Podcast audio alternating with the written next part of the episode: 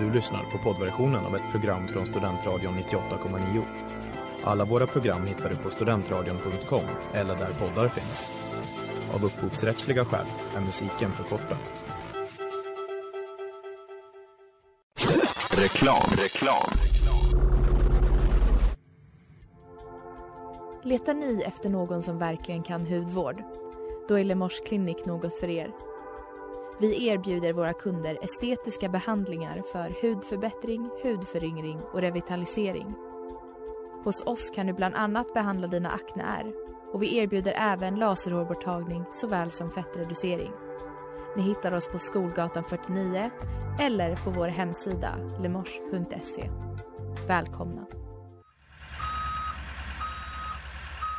Smeds, Cross och Entreprenad är en stolt sponsor av alla sändningar och program här på Studentradion 98,9. For a single man in possession of a good fortune must be want of a wife. Mr. Darcy, indeed. You have no compassion on my poor nerves.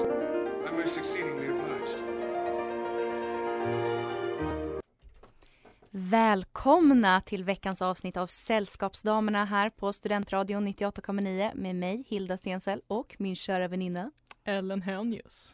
Ja, är det bra med dig Ellen? Det är väldigt bra med mig. Hur är det med dig idag Hilda? Jo men det är faktiskt väldigt bra med mig med. Jag kom lite inspringande här från möte på jobbet men jag känner jag har en bra dag. Jag Ja. berättade för dig, jag, alltså det är så sjukt. Jag har varit och tränat idag. Ja, Det är visst- väldigt out of character för mig men eh, det känns, det känns härligt. Ja men det är ju fantastiskt. Jag kör, du känner dig uppiggad och det är Ja, härligt att höra. faktiskt. Mm. Och eh, sen är jag väldigt taggad för dagens eh, tema Mm. som ju är min favoritbok. Precis. Vi ska nämligen resa lite i tiden till mitten av 1800-talet ish och prata om Svindlande höjder, Hildas absoluta favoritbok. Och, och din inte så favoritbok va? Eh, nej dessvärre inte men jag lär mig att uppskatta den Mm. på olika sätt. Men det ska bli väldigt intressant också. Alltså jag tycker att det blir, det är som vi hade med Seinfeld förra veckan Ja. Det tillför något till samtalet när man inte tycker helt olika va? När man inte slår in öppna dörrar utan du och jag vi ser lite olika Mm, på de här ja, grejerna. Precis, precis. Vi Mm. ser möjligheterna i detta. Exakt. If I don't hear from you tonight. Och där hörde vi If I don't hear you oh, ursäkta mig, If I don't hear from you tonight av Courtney Barnett. Här på Studentradion 98,9 och Hilda, vi kanske ska börja med en liten kort sammanfattning av eh, denna fantastiska Ja. svindlande berättelse. Alltså denna svindlande berättelse. Den är ju då eh, skriven 1847 av Emily Brontë som är eh, mellanbarnet i eh, den berömda syskonskaran Brontë. Eh, som alla, eller alla systrarna, de hade också en eh, bror, men det, de tre systrarna de var ju alla tre författare. Det är Precis. Charlotte Brontë som skrev Jane Eyre och eh, några andra böcker också och sen har vi Emily som skrev Svindlande höjder och sen så har vi Anne Brontë som skrev bland annat eh, The Tenant of Wildfell Hall. Det är väl hennes mest kända. Ja. Och vad handlar den här romanen om då Ellen? ja, men den här romanen handlar ju om eh, spöken, svek, kärlek, Mm. lite allt möjligt, olycklig kärlek framför allt. Men, eh, gött i livet. Precis, men den kretsar ju då framför allt kring huvudkaraktärerna Heathcliff och Catherine som eh, Ja, alltså det händer mycket komple- komplexa saker. Vad skulle man kunna säga? De blir kära, de växer upp tillsammans, eh, blir kära i varandra men så skiljer ödet dem åt och de gifter sig med varsin person. Mm. Men sen så förs de samman i slutet av Catherines liv då i alla fall. Mm. Och så leder det till misär. Ja, Förlåt, det blev en väldigt eh, eh, så eh, diffus sammanfattning men det är, det är väl i stora drag det Mm. som händer. ja men precis. Alltså den här, det är ju liksom en väldigt en tragisk kärlekshistoria. Allting är det är mycket liksom gotiska inslag i den här romanen och den är ju väldigt mycket mörkare än till exempel Jane Austens böcker. Och det är ju lite det som skiljer, man klumpar ofta ihop kanske systrarna Brontë och Jane Austen men eh, de, de är väldigt lika på många sätt också och det är Mm. 1800-tal och det är kärlek och sådär men Ja. de är också väldigt olika på så sätt att alla Alltså systrarna Brontës romaner är ju mycket mer gotiska och, och mörka. Än, eh, Definitivt. än Austens litteratur. Definitivt. Och det finns ju också någon lite mer mystiska inslag i både Ja. Charlottes Jane Eyre och men framförallt i Wuthering Heights att- eller Svindlande höjder att det är just den här väldigt så, ja men att det känns hela spöken i närvaro, de pratar om att de Mm. döda är nära och alltså mer än hälften av alla som är med dör ju Ja. under bokens gång så Ja. det är ganska Men det är lite så, ja, alltså, ja, jag tycker att det är så härligt. Alltså jag har en jättespeciell relation till den här boken. Jag är född till låten Wuthering Heights med Kate Bush. Alltså det, Det- känner jag är, och, och det är min favoritbok. Så att Ja, jag känner men, att det här ja. är liksom en del av mig. Ja men det är nästan, det är nästan det ödet lite grann. Jo, men det, det är det. Liksom, det är fantastiskt på det sättet. Ja, jag skriver min C-uppsats om den också så att det, ja, nu ska jag få nörda ner mig i det Ja, här. verkligen.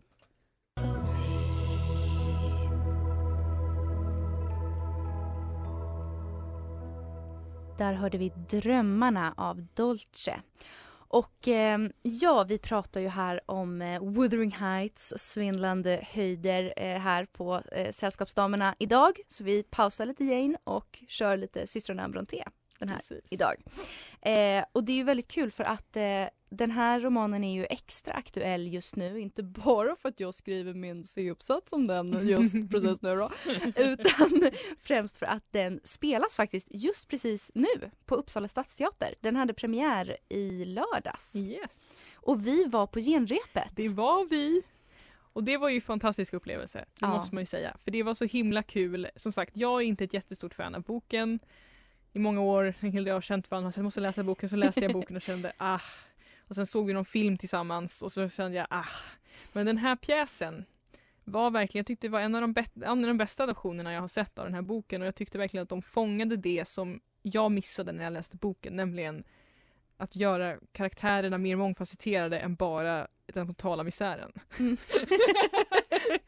Kort Ja. sagt, vad tyckte du om den Hilda? Nej men jag älskade den här uppsättningen. Alltså jag var helt begeistrad. Alltså den var ju också, den var ju nästan tre timmar lång. Ja, Eh, och ibland när man går på så långa, jag är ju superteaterintresserad men Mm. jag kan ändå bli lite så här, åh, att man det är lite så här för långt med så tre timmar liksom. Men den här gången, alltså jag var, det var inte en sekund som jag inte var jättefokuserad Mm. för att det var så fantastiskt tyckte jag. Och jag tyckte just som du säger att det var, det var en väldigt bra liksom, uppsättning eller adoption eller vad man ska säga.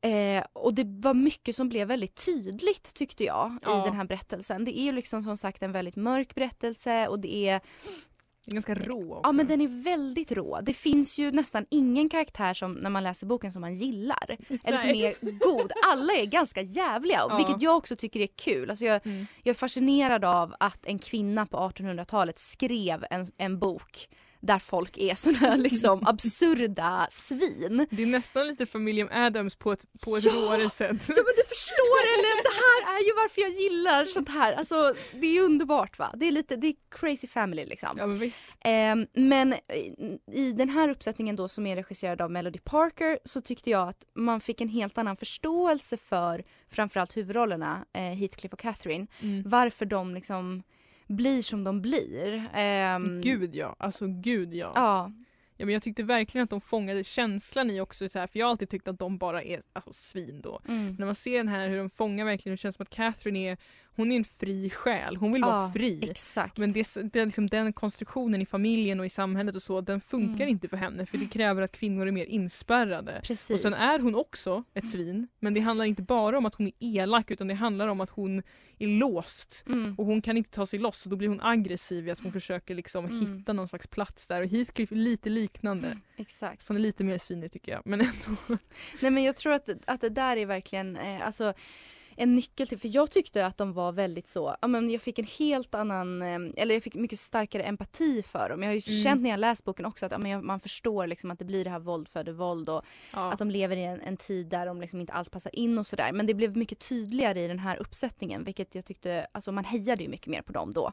Mm. Och jag, jag pratade ju faktiskt med Melody Parker som har Mm. regisserat och också eh, skrivit dramatiseringen inför min uppsats då egentligen. Men eh, nu lite för programmet också då kan man väl säga. precis. Och hon pratade just om det här med alltså, hur hon har tolkat romanen och just hur hon har tolkat det här gotiska. Och Ja. det tyckte jag var väldigt intressant för att hon, hon sa det att men både Heathcliff och Catherine är ju två personer som de, de kan inte leva ett liksom fritt liv i det samhället de lever i. Liksom. Att om man inte liksom ja men på den här tiden och så. Det är ju fruktansvärt att leva i det samhället om man inte liksom är en vit rik man. Ja. Ehm, och då så, eh, så blir det också som att eh, hon förklarade det för mig som att hon har, har tänkt att det här, de gotiska elementen också kan ses som ett Alltså en sorts samhällskritik av Emily Brontë. Och att det finns en frihet i det här gotiska. För det är liksom bortom den här normativa det normativa samhället där inte, de, där det inte finns någon plats för Heathcliff och Catherine. Om jag förstod henne rätt. Det är en väldigt häftig Eh, tolkning. Ja men verkligen och när de återförenas liksom på slutet nu, spoiler men ja, som spöken liksom Ja. som flyger iväg där på heden.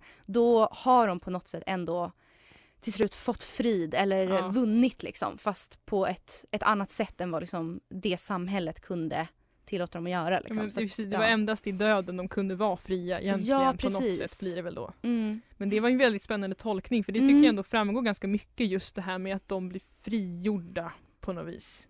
Precis. I och med döden, även om det blir väldigt makabert. För att Ja, det, är- men det är också så här, för alltså det är ju så mycket lidande i den här boken, i den här berättelsen. Alltså så här, alla, även de karaktärerna som är snälla lider ju något otroligt alltså. ja, Och då blir det ju också som egentligen, jag har inte tänkt på det förut, men att när de dör så befrias ju de från allt det här. exakt. Fast å andra sidan så dör de ju också så det är väldigt så men det, fin- det finns ju ingen, alltså, det finns ingen ljusglimt i livet Nej. för någon av de här karaktärerna egentligen i slutändan. Precis. Förutom nästa generation då som kommer. Precis, ja och det, det pratade också Melody om när jag pratade med henne om just den här att för många adaptioner slutar ju, det är en väldigt, det är en generationsroman Ja. så att det börjar ju med Heathcliff och Catherine men sen är halva romanen är ju deras barn Ja, och många filmadaptioner tar ju bort liksom hela Mm. andra halvan medan hon pratar om det att det är väldigt viktigt att för, för att förstå berättelsen och förstå vad Brontë kanske kan ha tänkt att vilja säga Mm. så måste man ha liksom hela den cirkelrörelsen som Precis. är att liksom, ja men de eh, saker går i arv men sen till Mm. slut så blir det liksom en frigörelse Ja. som gör att nästa generation kan förhoppningsvis få det bättre. Liksom. precis.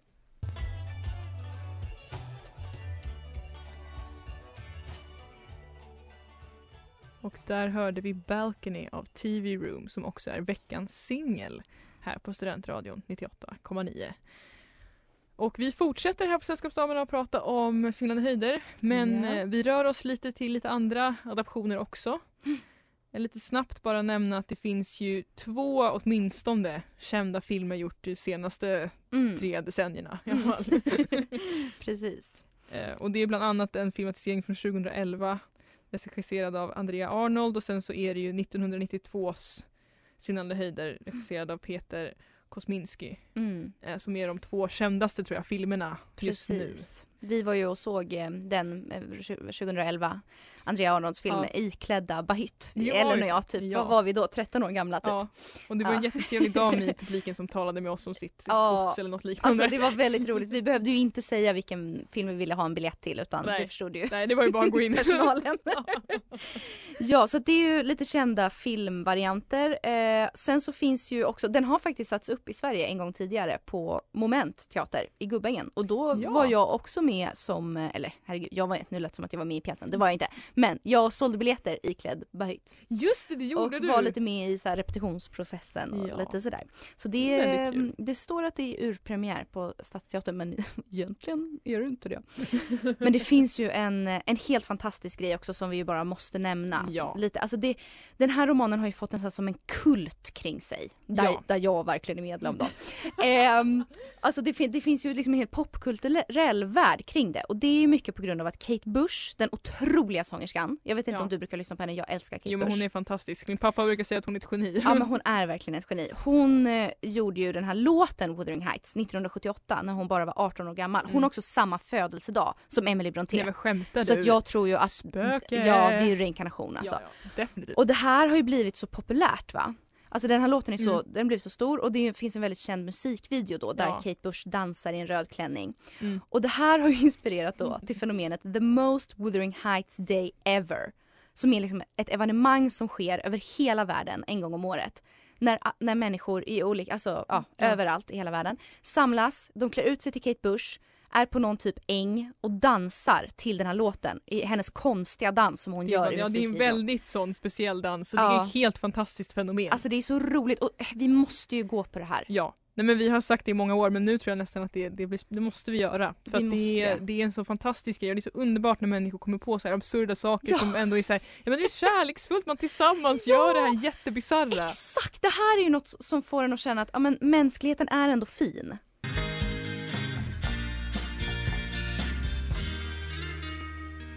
In the Blue med Magoon.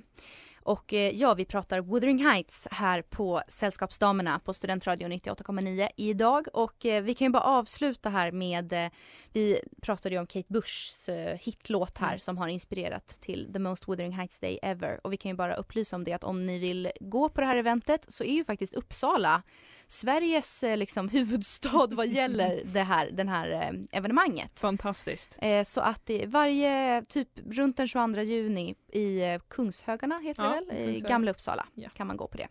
Men nu har vi kommit fram till det här. Veckans lyssnarfråga. Precis. Och den liksom, frågan anknyter lite till eh, vår kära Jane Austen då såklart.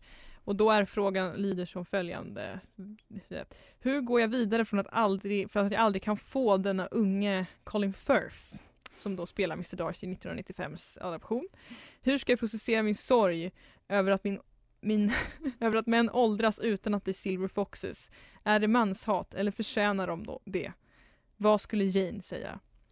Ja, vad tror du Ellen? Ja, det här är svårt för jag tror att väldigt många kvinnor känner det här. Ja.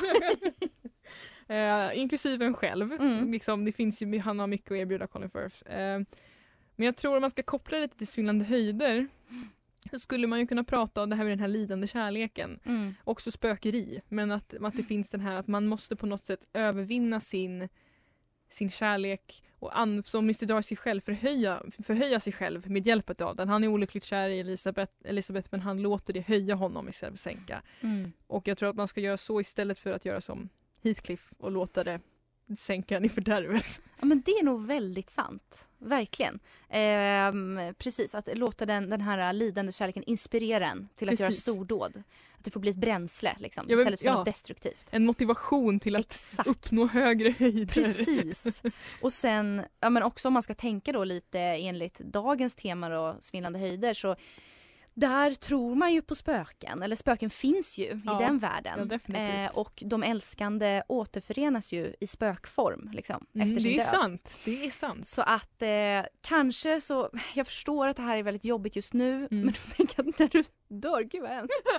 Eller nej, nej, när, när Colin dör. Ja, kanske det om du kan liksom öppna dina mediala Ja. förmågor. Kanalisera honom genom Exakt. liksom... Och då kan ni få ett möte. Fast Ja. han kommer vara ett spöke men liksom vara den unga Colin. Precis. så. Eh, så, så skulle man kunna se det om man Ja. tänker då en lite Emily Brontes eh, svar Men på den här precis. frågan istället. Så det, det är inte manshat utan snarare ett sätt att hantera verkligheten genom att låta den lidande kärleken, olika kärleken, bli en drivkraft. till Något Precis. större.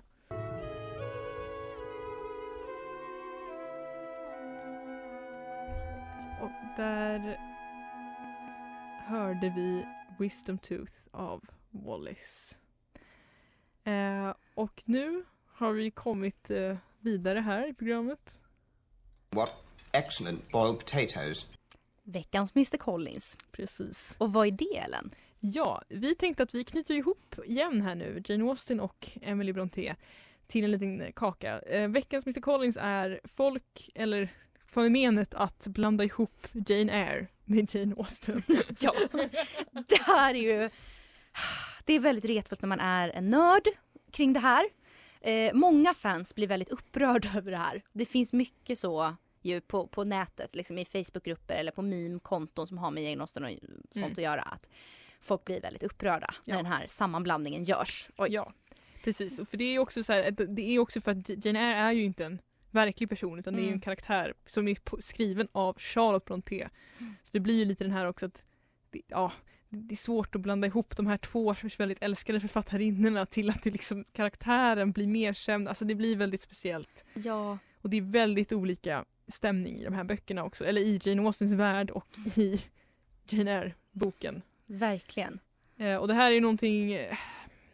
Ja men det här har man varit med om någon gång. Så här, man har, jag har gjort något reportage i skolan som skulle handla om, jag skulle låtsas intervjua Mr Rochester. Mm. Skulle Åh, presentera- gud vad kul. Det är alltså Heathcliff motsvarande i Jane Eyre. Ja, en annan ganska special guy kan man säga. ja men precis. Och, han, eh, och då var jag liksom så här först skulle presentera och jag tänkte inte ens på att folk inte visste vem han var. Så jag var så här, när jag stod och presenterade jag bara just det förresten vet alla vem han är. Underbar världsbild! Gud vad charmigt att leva med i den tron att alla vet vem Mr Rochester är. Ja men jag kände verkligen så här. Och sen han bara nej men eh, jag, eh, de bara nej vi vet inte vem, vem är det? Ja men den här romanen, Jane Eyre, romanen skriven av Charles Brontë, de bara eh, ja. Och då var det liksom så här. Ja i alla fall det här är huvudpersonens älskare i den boken. Alltså det blir verkligen så här jättespeciellt. Mm. Nej men alltså det, det är ju, jag förstår liksom den här irritationen för att det, det blir väl också lite så här, jag kan känna då att jag har sån enorm respekt för liksom både Charlotte Brontë, eller alla systrarna Brontë och Jane Austen och liksom tycker de var så fantastiska och inspirerande och sådär. Och när man gör den här sammanblandningen då va, då kan jag känna att det blir lite att man bara klumpar ihop dem till en enda grej som man ser ner lite på. Det blir jag irriterad på. Ja, så men är det ju, jag. det är säkert bara att man inte har koll, herregud. Men, men ibland kan det bli lite sådär att, att vissa kan ha en ton av att ah, ja, det är de här kvinnorna från 1800-talet som, ah, ja det är lite kärlek och bla, bla, bla. Men som du säger, det är ju helt olika världar. Mm. Och eh, liksom Charlotte Brontë, hon gillade ju inte ens Jane Austens verk. Nej. Tyvärr. Hon tyckte just att de, de var för ljusa och glada och liksom för puttinuttiga. Eh, hon ville ha lite mer deep shit. Sådär, lite män som eh, ja, låser in sina fruar på vinden och spöken och andra galna Precis, saker. Den typen av passion helt Mm. enkelt. Som ligger i tiden för henne kan man ju säga. Precis, ja nej men eh, det, det finns ju mycket så. Eh, ett helt annat, eh, helt annat mörker hos systrarna Brontë. Mer, mer skräck. Ja definitivt. Mm. definitivt. Eh, och det, men det är i alla fall så det är viktigt, man ska hålla isär dem. Mm.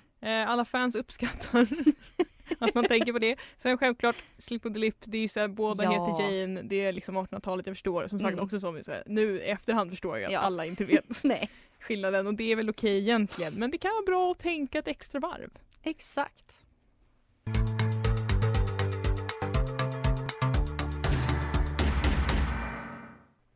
Out of Mind med Greta hörde vi där. Och eh, du lyssnar på Sällskapsdamerna på Studentradion 98,9 och nu ska vi få eh, grotta ner oss i det här. In vain I have struggled. It will not do. My feelings will not be repressed. You must allow me to tell you how ardently I admire and love you. Gets me every time. Mm. Veckans Mr Darcy. Vad är det då?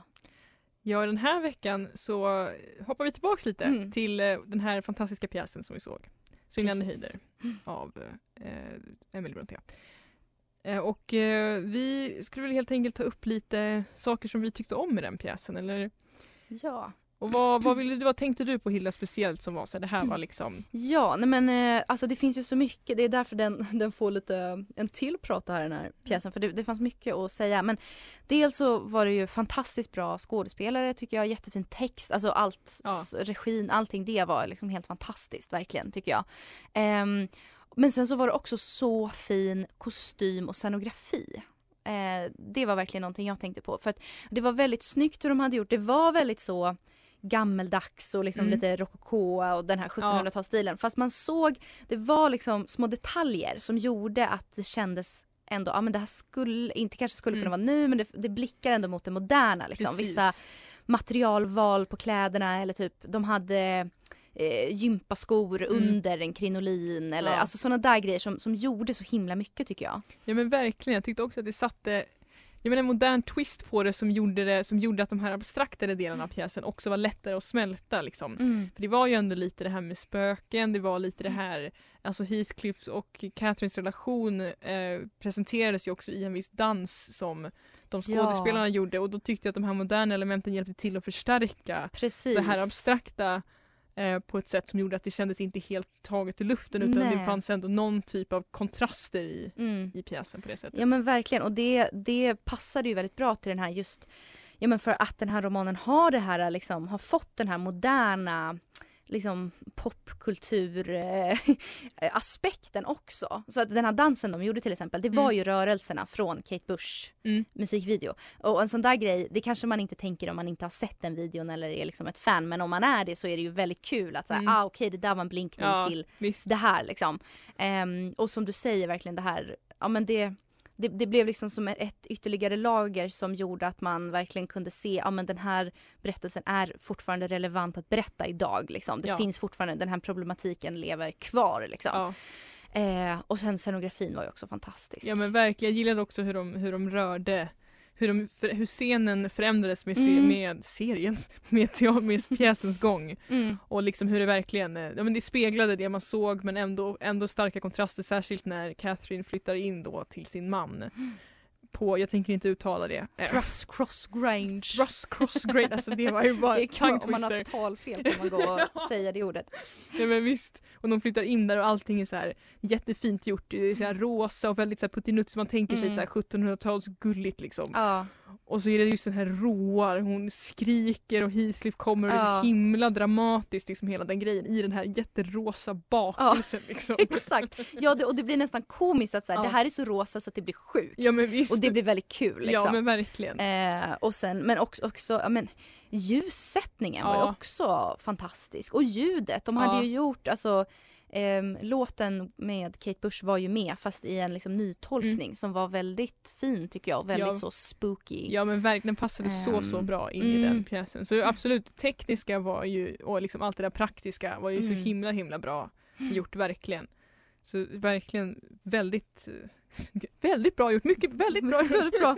Nej men jag tycker det, det är liksom, det är lätt när man pratar om, om eh, teater eller sådär att man kanske inte glömmer bort men ibland känns det som det, alltså vissa aspekter av det som, som, som ju bidrar med så otroligt mycket som till Mm. exempel ljussättning eller Ja. sådär men det gör ju en jätteskillnad eh, och det var ju en scen till exempel, det är en liksom spökscen då, Mm. nu lite spoiler men Mm. ja som verkligen är, och det var också väldigt kul att se lite så, det är inte så ofta man ser det på teater tycker Nej. jag, lite, nästan lite skräckteater, spök, liksom en spökhistoria på scen. Mm. Och den ljussättningen som var i den scenen gjorde ju verkligen att man kände att ja, men den här känslan man får Mm. om man har vaknat mitt i natten någon gång och känt att åh fy nu känns det som att det är någon här. Det känns spökigt, jag är mörkrädd. Alltså Mm. exakt den, man fick precis den, den känslan i kroppen tycker jag. Ja men gud ja. Nej, men det var verkligen eh, det var en superfin, eh, verkligen jättebra teaterupplevelse. Som sagt, jag fick helt ny respekt för karaktärerna och alltihopa. Och det är mycket av liksom scenografin och kostymen och musiken och ljuset bidrog ju till det. Att Mm. skapa, som du säger, verkligen den här De fick verkligen förmedlade känslan av boken på ett mycket, mycket bra Mm. sätt. Så definitivt en, en Mr Darcy för, för den här liksom veckan. Verkligen. Ja, särskilt eftersom den är så himla färsk ju. Har jag precis haft premiär. Ja men precis, så att det rekommenderas ja, starkt. precis. Den spelar fram till, eh, jag tror att det är 12 februari om Ja. jag inte minns fel. Så att eh, Passa på. ni kan skicka ett mejl till mig i biljettkassan om ni vill se den. Så bokar jag in er. Perfekt.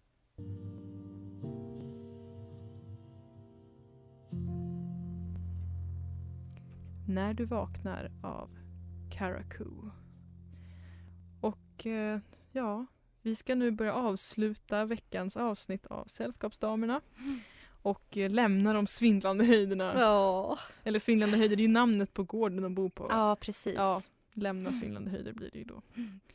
Men det har varit, jag tyckte det har varit ett väldigt roligt avsnitt. Det Mm. har varit kul att utforska lite andra delar av 1800-talslitteraturen. Eller vad säger du Hilda? Ja men jag håller verkligen med. Jag känner att det här skulle kunna, även om det är klart vi, vi ska vara trogna Jane, men det finns ju väldigt mycket spännande att... s- Oj, nu tappar jag mina, min, mina hörlurar. Du blir så känslosam Jag är det så ivrig. Nej men det finns väldigt mycket att säga om 1800-talslitteratur av andra författare också ju. Ja, Och systrarna Brontë, alltså nu har vi ju mest fokuserat på liksom Emily Brontë men alltså Jane Eyre också, den Ja. är ju helt fantastisk. visst. Och den älskar vi. Den har vi båda älskat Ja. genom Där håller vi med varandra. Nej men så att eh, man skulle kunna ägna ett till avsnitt Ja. åt liksom, Ja men de verkligen. här Alltså, systrarna. Ja definitivt. Så det finns ju mycket intressant just där. Det är kvinnor som skriver under 1800-talet som skriver mycket om det här med hur kvinnor väljer sin egen väg eller Mm. inte gör det och vad det beror på. Exakt. Många av Jane Austens karaktärer, även om Charlotte inte tyckte om dem, Mm. så är det ju mycket att de karaktärerna handlar ju också om en slags frigörelse fast inom samhällets ramar blir det då. För det är inte alls Precis. lika dramatiskt på det sättet. Mm. Men ändå, det är ganska spännande just de här hur de tolka samhället och för vidare det och det är jättespännande.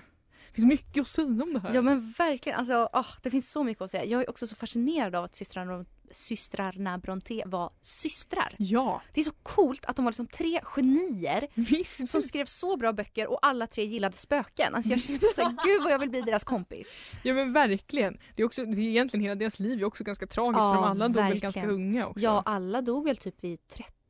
Alltså Ja. bo, jag tror både Anne och Emily dog Mm. typ vid, när de var så här 29-30 bara. Och deras bror blev ju också Ja. jätteung och Charlotte kanske blev typ 37 eller något. Ja, det är Så ju väldigt jättehemskt. sorgligt. Ja, så det kanske var därför också deras, eh, Jane kanske hade ett lite roligare liv än vad de hade. Hon dog också ganska ung. Ja, Men ändå absolut, det verkar ju när hon beskriver sitt liv så verkar det inte vara lika eh, mörkt. nej precis. Så definitivt kan det ha påverkat alltså. Ja, precis, verkligen. Ja, Nej, men ni får gå hem och lyssna på Kate Bushs eh, låt. Oh ja. Ja. oh ja, det rekommenderar vi starkt. Ja, verkligen. Och, Eh. och, och boka biljetter, teaterbiljetter. Ja, def- precis. Ska vi, inte, ska vi inte glömma här. Och så får vi önska er en super, super trevlig vecka och hoppas att eran eh, tredje advent blir jättefin. Ja, Spöklig. verkligen. Hej då! Hej då. Du har lyssnat på poddversionen av ett program från Studentradion 98,9. Alla våra program hittar du på studentradion.com eller där poddar finns. Och kom ihåg, att lyssna fritt är stort, att lyssna rätt är större.